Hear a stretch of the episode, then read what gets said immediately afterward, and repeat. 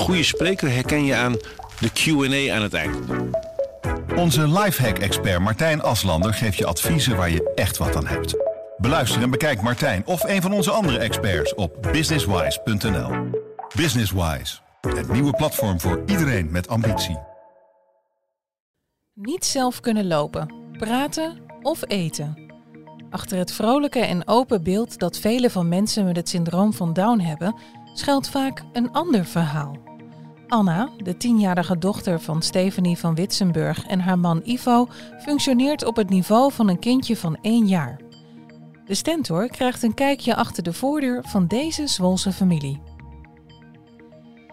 Je luistert naar Moet je horen, waarin we bijzondere verhalen van de stentor aan je voorlezen.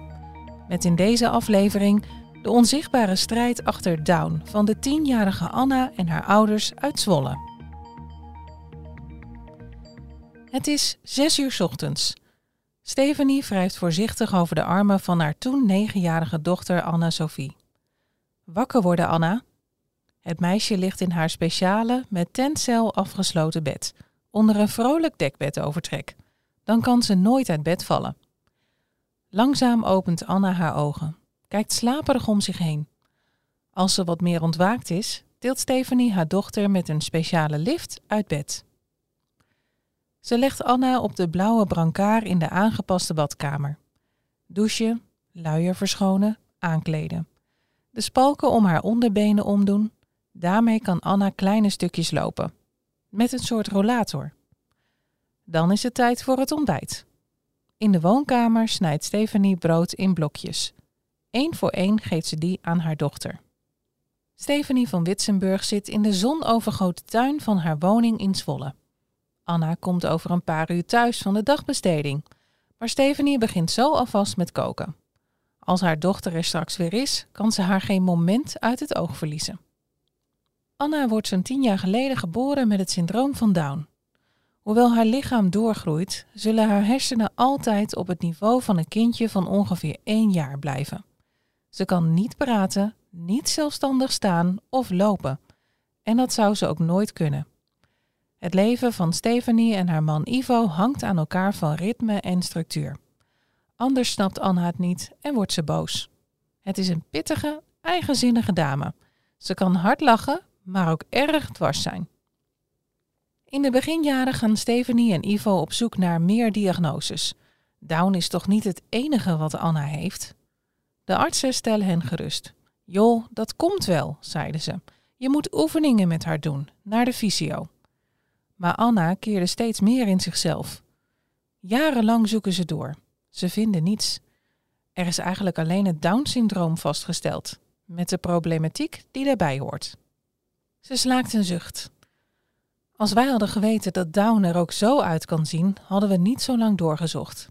Wie iemand met Down voor zich ziet, heeft daar een bepaald beeld bij.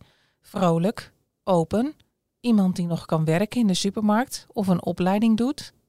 Dat beeld klopt lang niet altijd. Van dat eenzijdige beeld ondervinden Stephanie en Ivo bijna dagelijks de nadelen.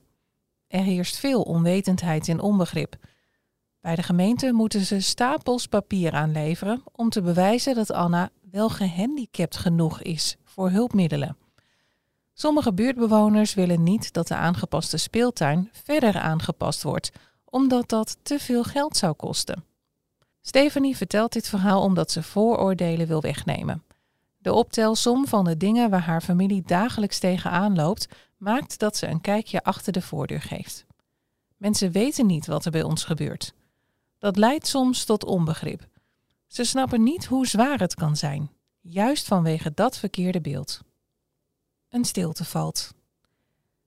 Ik heb een prachtige dochter van wie ik heel veel hou, maar het is soms ook heel moeilijk. Ga eens met ons in gesprek. Oordeel dan pas wat er wel of niet zou moeten komen. Verplaats je eens in elkaar. 10% van de kinderen met het syndroom van Down heeft een zeer ernstig verstandelijke beperking, zoals Anna. Dat blijkt uit cijfers van onderzoekscentrum TNO. Het grootste deel heeft een matige verstandelijke beperking. Maar wat dat betekent, verschilt per persoon, zegt psycholoog Regina Lamberts, directeur van Stichting Down Syndroom. We zien mensen met het Down-syndroom op televisie en die moeten een voorbeeld zijn voor alle 13.000 mensen met het Down-syndroom. Waarom denken mensen dat? Al die 13.000 mensen hebben allemaal hun eigen talenten en beperkingen. Die nuance is kennelijk te ingewikkeld voor op televisie. De mensen die we op tv zien zijn toevallig goed in praten, zijn vrolijk, daar zijn ze op gecast. Maar wat hun beperkingen zijn, zien we niet.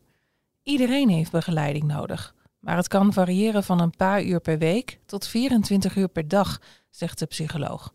In het geval van Anna is het het laatste. Het is kwart over vier. Terwijl Anna vanuit haar rolstoel geconcentreerd naar haar iPad kijkt, schenkt haar moeder frambozenranja in een glas.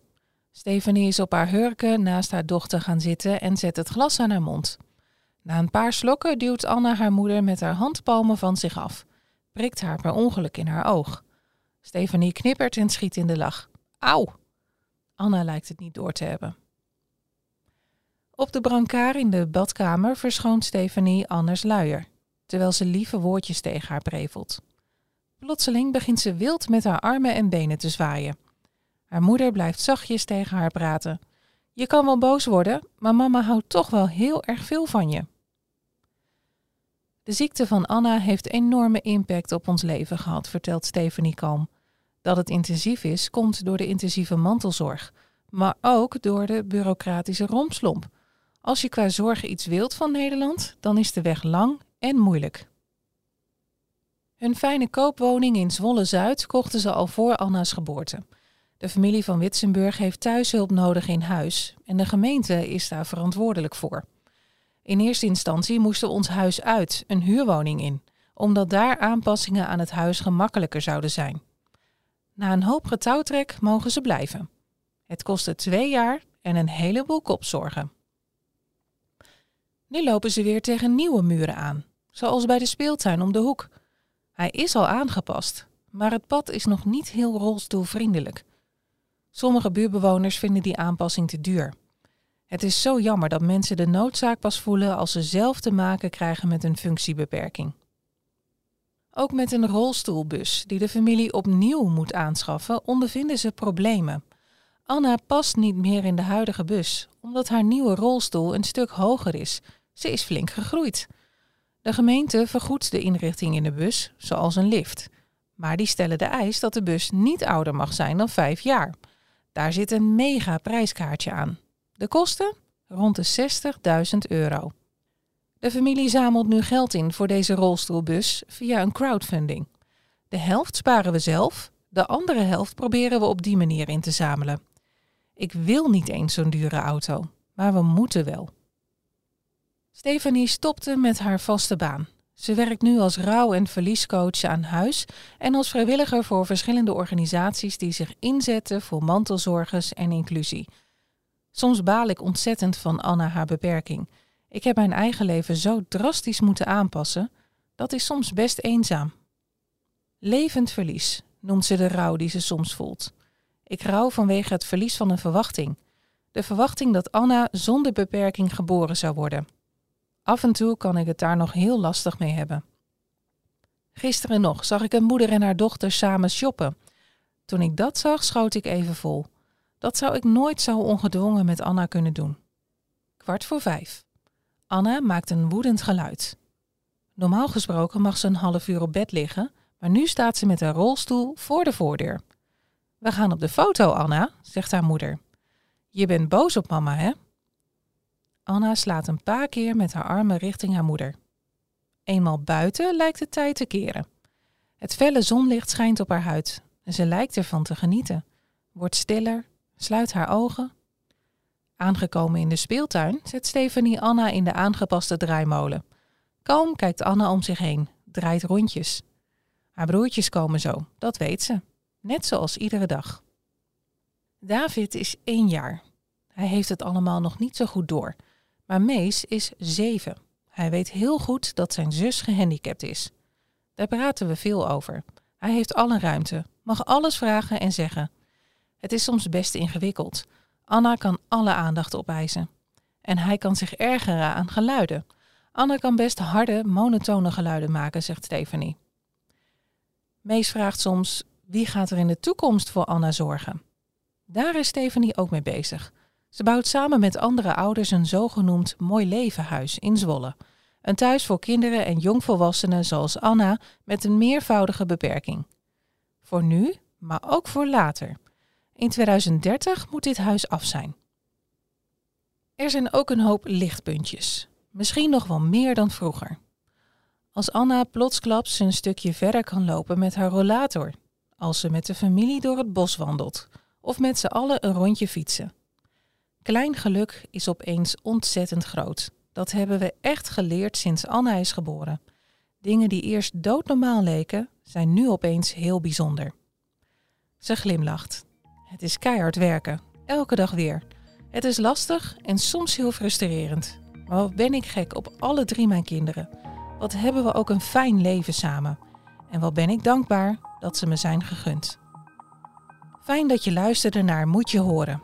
Wil je meer bijzondere verhalen? Ga dan naar de stentor.nl slash moet je horen of download onze app.